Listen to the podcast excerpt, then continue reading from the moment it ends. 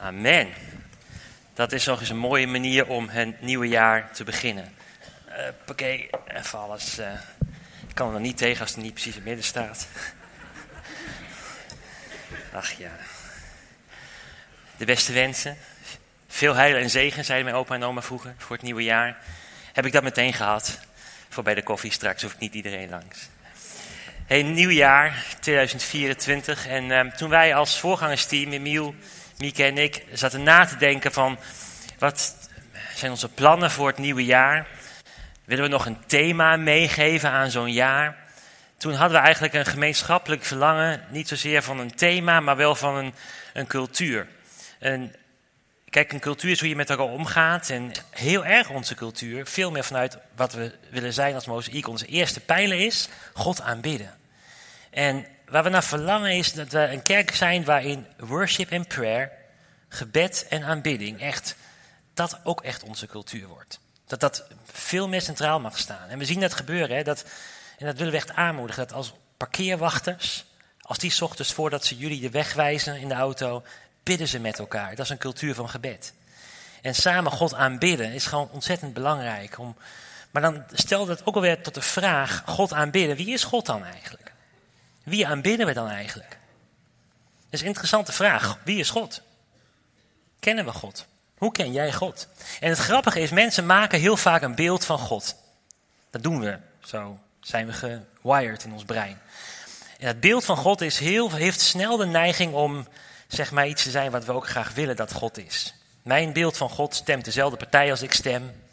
Houdt misschien wel van hetzelfde eten en heeft hetzelfde karakter. Dus weet je dat er een, er was een hoogleraar in Chicago aan de Theologische Universiteit daar. Die deed aan het begin van het schooljaar deed hij een enquête onder zijn studenten.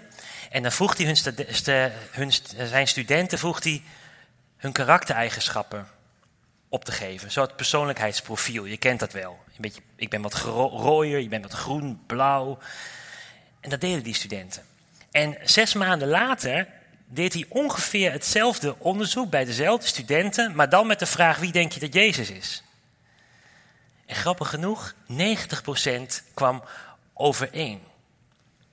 En dat is, betekent of dat die, al die studenten ons onwijs heilige boontjes zijn, of dat er toch ook iets in zit dat wij heel snel Gods beeld vormen ja, zoals we willen dat hij is.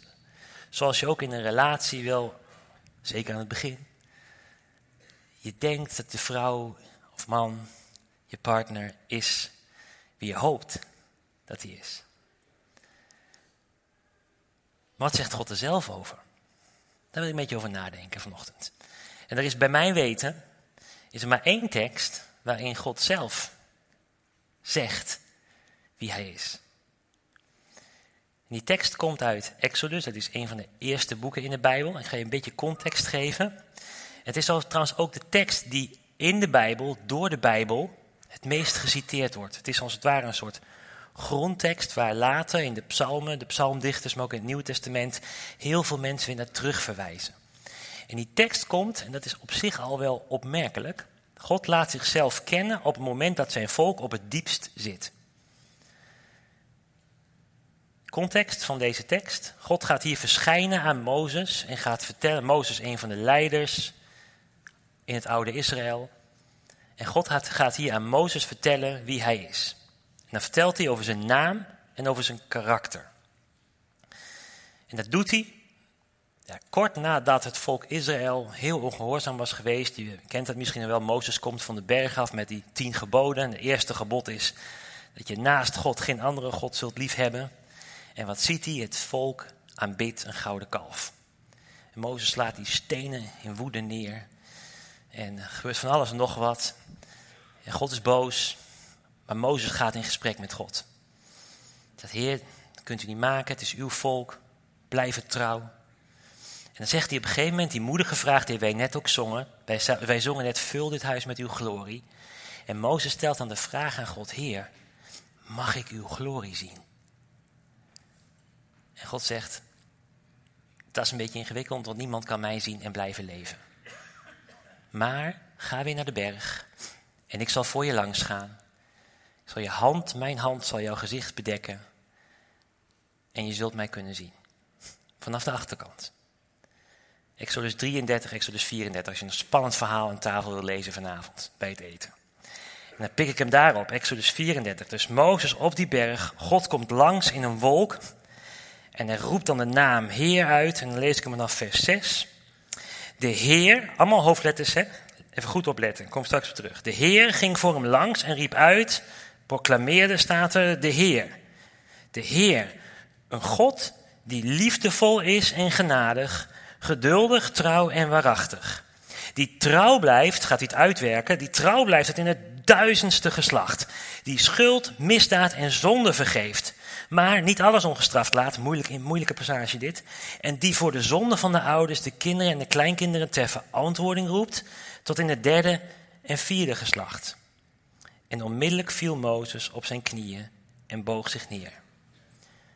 Dit is het vers waar God zichzelf laat kennen.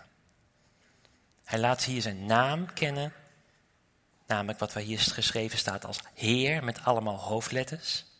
Dat is zijn naam, kom ik zo op terug. En zijn karakter, een aantal karaktereigenschappen. En dan die uitwerking die best ingewikkeld is, van hoe zit dat nou met de ongerechtigheid van de vader en bezoekt aan de kinderen, zoals die in de oude vertaling stond. Laat ik daar meteen even wat over zeggen, want ik ga daar niet specifiek op in. Maar ik denk dat dat God is die, wat we ook in Advent ook over gehad, die zegt, ja weet je, wat jij doet, doet ertoe.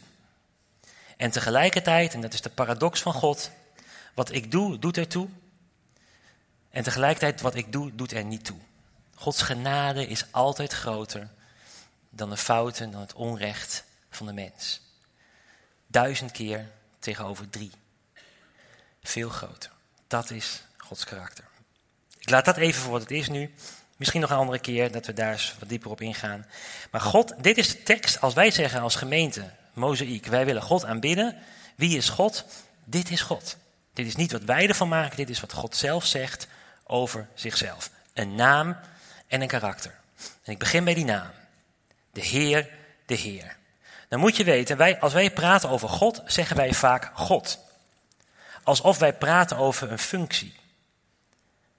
Kijk, Matthias zat net achter de piano, dan is hij de pianist. Maar Matthias is natuurlijk ook gewoon Matthias met een karakter, een persoon. Met wie je in gesprek kunt. En vaak denken wij over God als een instituut, als een, als een functie. En dat komt ook wel ergens vandaan. Als ik naar het begin van de Bijbel ga. Allereerste vers in de Bijbel, dan staat dit. In het begin schiep God de hemel en de aarde. En je ziet hier dat God geschreven is met hoofdletter G, O, D. En dat is een vertaling van het Hebreeuwse woord Elohim. En Elohim is eigenlijk een, een vergaarbegrip voor alle geestelijke wezens die er zijn. Maar in deze context vertalen ze met God enkelvoud. En dan is het feit dat het een meervoud woord is, is net zoals dat de Fransen, als ze u willen zeggen, dan zeggen de Fransen, u bent, vous êtes. Eigenlijk jullie zijn. Een soort, meer, een soort deftigheidsmeervoud. Majesteitelijk meervoud. Wij kennen dat in Nederland dus ook met u. En zo lees je dus ook dit eerste vers. God, Elohim, als in God, functie. We gaan even door. Genesis 17. Zien we al iets meer van God. Daar gaat God in gesprek met Abraham. En dan staat dit, toen Abraham 99 jaar was, verscheen de Heer, hoofdletters, komen straks op, aan hem, aan Abraham en zei, ik ben God, dat is hier het woord El, zonder Ohim, maar gewoon El, ook gewoon een God. Ik ben God, de ontzagwekkende. En we zongen dit net in dat lied. Hier staat El Shaddai. Shaddai betekent almachtig of ontzagwekkend, heeft de nieuwe Bijbelvertaling hier verklaard. Nog steeds functie God. Ontzagwekkend God. Geen persoon. Daarvoor moet een Exodus. Als je de Bijbel al wat langer leest, dan ken je misschien het verhaal, dat wonderlijke verhaal van Mozes die een brandende braamstruik tegenkomt. Maar die braamstruik werd niet verteerd. En hij loopt daar naartoe en hij heeft daar een ontmoeting met God. En God zegt, ik ga jou gebruiken om het volk Israël uit Egypte, uit slavernij, te bevrijden. Ja, zegt Mozes, Oké, hij wendt even aan het idee. Dan zegt hij: Oké, maar dan ga ik terug naar de Israëlieten. En wie, wie moet ik dan zeggen dat u bent? Lees maar even mee. Fantastisch gesprek. Mozes zei: Stel, hij heeft nog niet eens besloten dat hij doet. Stel dat ik naar de Israëlieten ga en tegen hen zeg dat de God van hun voorouders mij gestuurd heeft. En ze vragen: Wat is de naam van die God? En hier zijn weer El Elohim, God. Hoofdletter G, O, D. Wat moet ik dan zeggen? En toen antwoordde God hem: Ik ben die er zijn zal. Zeg daarom tegen de Israëlieten: Ik zal er zijn, heeft mij naar u toegestuurd. Ook zei hij tegen Mozes: Zeg tegen hen: De Heer heeft mij gestuurd. De God van uw voorouders, de God van Abraham, de God van Isaac en de God van Jacob. En hij heeft gezegd: Zo, de Heer, zo wil ik voor altijd heten. Met die naam wil ik worden aangeroepen door alle komende generaties. De vraag die Mozes hier stelt, wat is de naam van die God, is een hele opmerkelijke vraag in het Hebreeuws. Het is niet even de vraag hoe heet je? Wat is je naam? Nee, in, het, in die tijd, namen waren sowieso meer dan alleen een roepnaam. Het was, het was ook een beetje een karakterbeschrijving van wie de mens achter de naam was. En de vraag die Mozes hier stelt is, een hele atypische zinsconstructie. Hij vraagt hier eigenlijk zoiets als, dat je zou kunnen zeggen, wat is de betekenis van uw naam? Dus hij vraagt een beetje, geef mij uw naam, maar dan wel waar ik wat mee kan. Niet alleen uw roepnaam of zo. En dan zegt God, ik ben die ik ben. Of, nauwkeuriger vertaald, ik zal zijn wie ik zal zijn. Ik ga jullie, mag ik een klein lesje Hebreeuws doen? Vooruit, doen we. Ga ik toch doen, ik voorbereid. Dus of je nou leuk vindt of niet, je zit erin. Hier. Hebreeuws is een taal die lees je van rechts naar links. Ander alfabet dan onze taal. En dat bovenste zinnetje is dus Hebreeuws. En het spreekt ongeveer uit als Eye, Asher, Eye. Denken we. Zie je al die puntjes erbij staan? Even detail. Dat zijn klinkers. Het Hebreeuws heeft namelijk van zichzelf geen klinkers, alleen maar medeklinkers. En Weet, uh, geleerden hebben op een gegeven moment, 400 jaar later, hebben ze die puntjes eronder gezet om maar te kunnen herinneren hoe het mogelijkerwijs werd uitgesproken, of waarschijnlijk. Maar let even op die, dan moet je dus van rechts naar links lezen. Je ziet dat dat twee keer hetzelfde is, hè? dat rechtse woord en het linkse woord. Ik zal zijn, ik zal zijn. En tussenin Asher, wie of die. Maar let even op die vier tekens. En het tweede en het vierde teken van rechts naar links gezien is een, lijkt een beetje op de pi in onze wiskunde. Dat is de he, dat is de h in het Hebreeuws. Nu even terug naar de tekst. God zegt dus, ik ben die ik ben. Of ik zal zijn die ik zal zijn.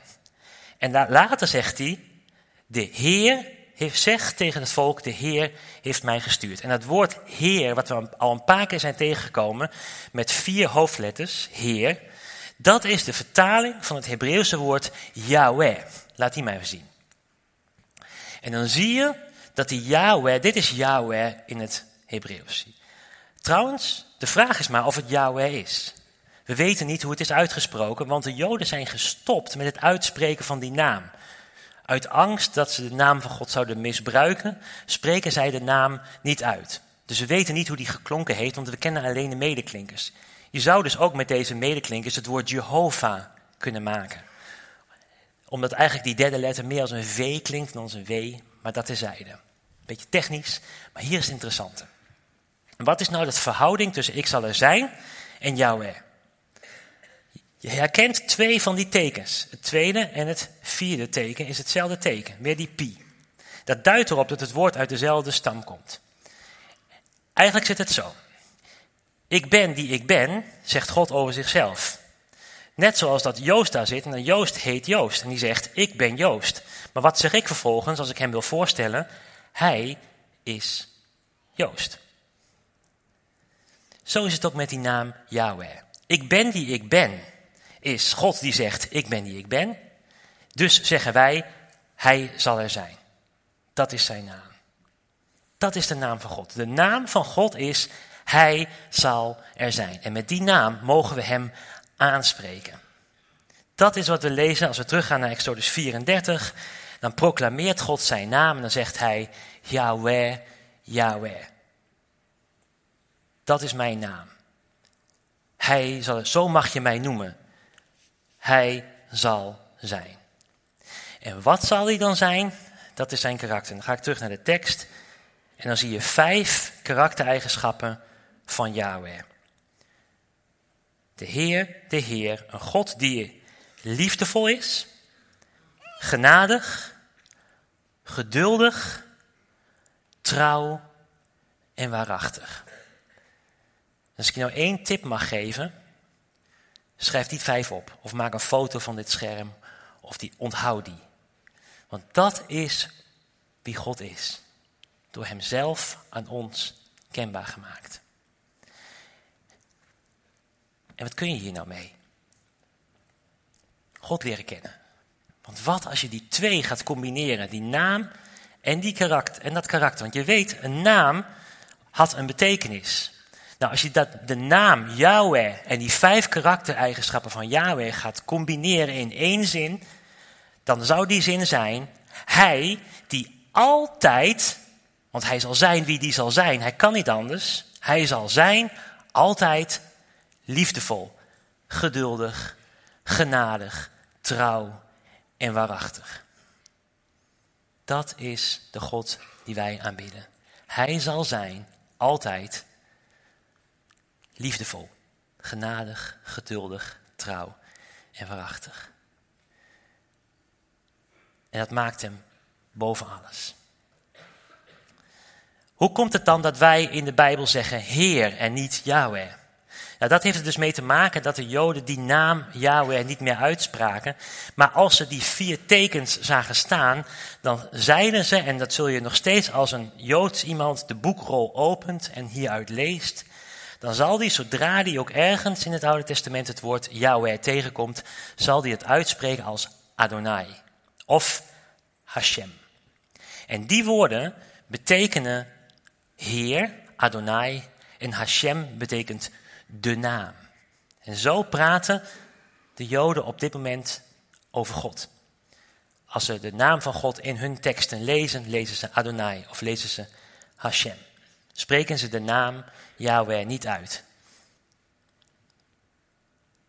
Dat verklaart dus ook hoe wij aan het woord, een vertaling Heer komen in, ons, in het Oude Testament. Maar om toch duidelijk te maken dat het hier om Yahweh de persoon gaat, heeft de vertaler altijd allemaal hoofdletters geschreven. En elke keer als je dus weer over God leest als de Heer met allemaal hoofdletters, mag je zeggen: hey, dit gaat niet over een God dat een instituut is of een begrip of een abstract iets. Maar dat gaat om een God die zich kenbaar wil maken als een persoon. Met een karakter. En wat kun je daar nou mee?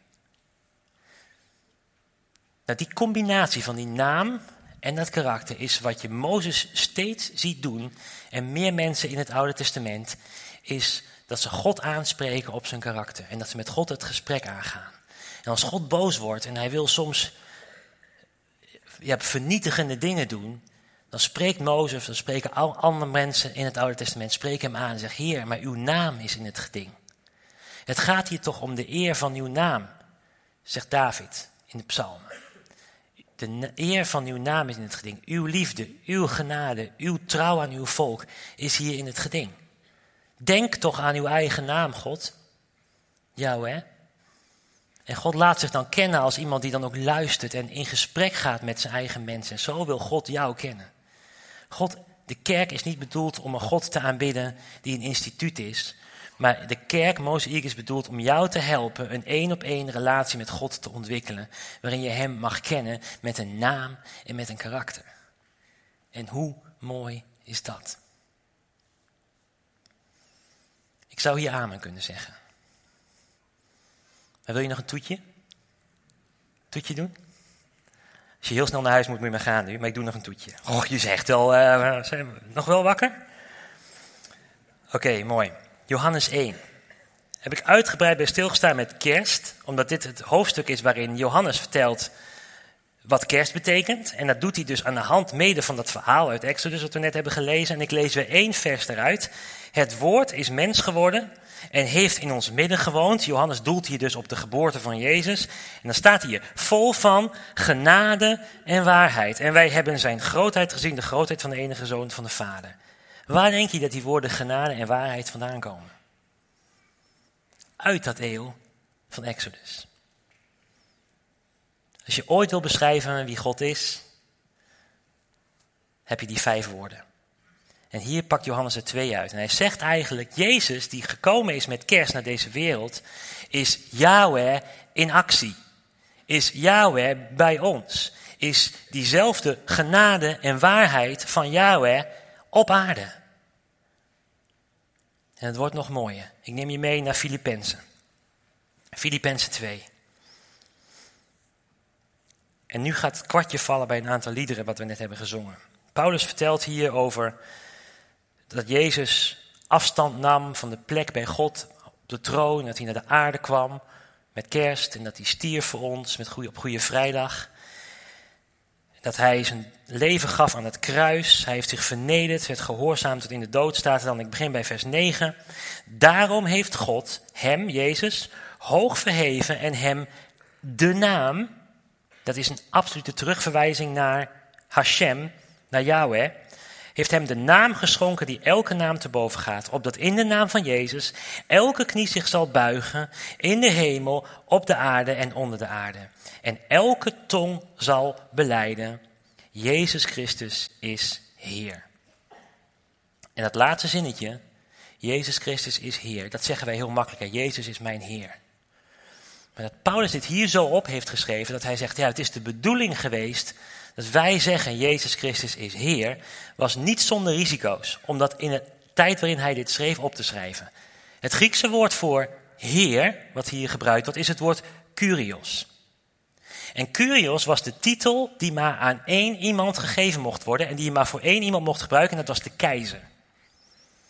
De keizer was de Kurios. En als Paulus hier zegt, maar Jezus Christus is mijn Kurios, dan zegt hij dus, Jezus staat boven de keizer. En dat was een risicovolle uitspraak in die tijd. Maar het woord kurios is ook het woord wat in het Griekse vertaling van het Oude Testament werd gebruikt voor Yahweh. Dus eigenlijk staat hier, God heeft Jezus hoog verheven, hem de naam geschonken die elke naam te boven gaat, zodat uiteindelijk wij zullen kunnen beleiden, Jezus is Yahweh in actie. En dat is toch ook zo? Als je de volheid van Yahweh wil leren kennen, kijk je naar Jezus.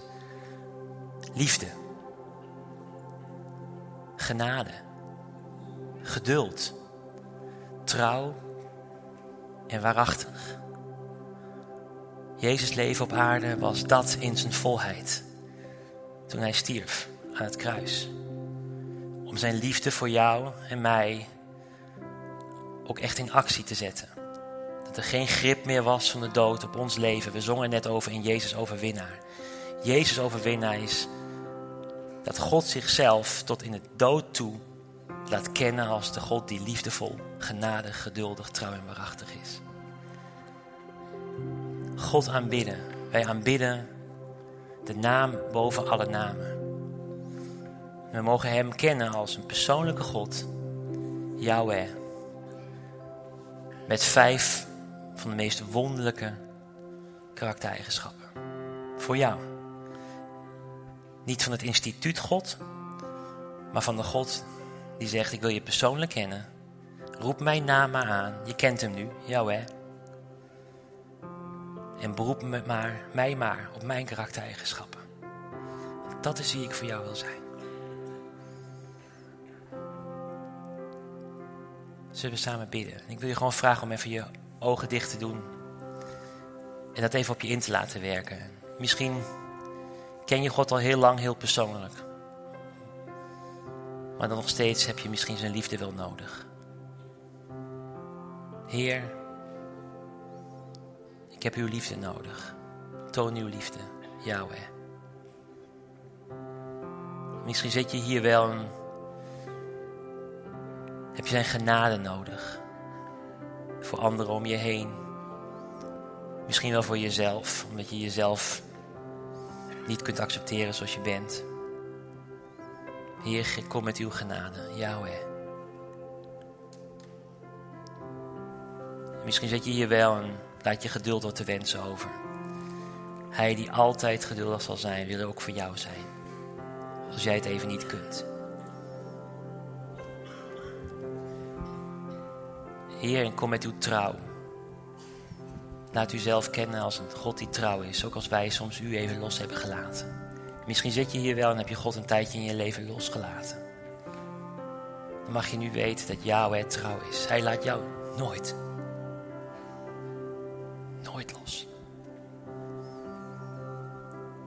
misschien weet je wel helemaal niet wat waarheid is.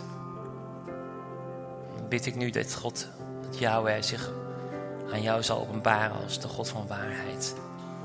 Dat je Hem en wie Hij voor je wil zijn in al zijn waarheid mag leren kennen de komende tijd.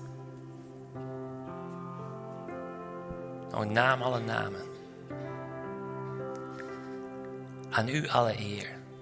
Niets kan mij ooit scheiden van Jezus mijn Heer. Geen dood en geen leven. Geen moeite of pijn. Ik zal eeuwig zingen en dicht bij u zijn. Ik ben wie ik ben is uw eeuwige naam. Onnoembaar aanwezig deelt u mijn bestaan. Hoe adembenemend. Ontroerend dichtbij. Uw naam is ik ben. En ik zal er zijn. Amen.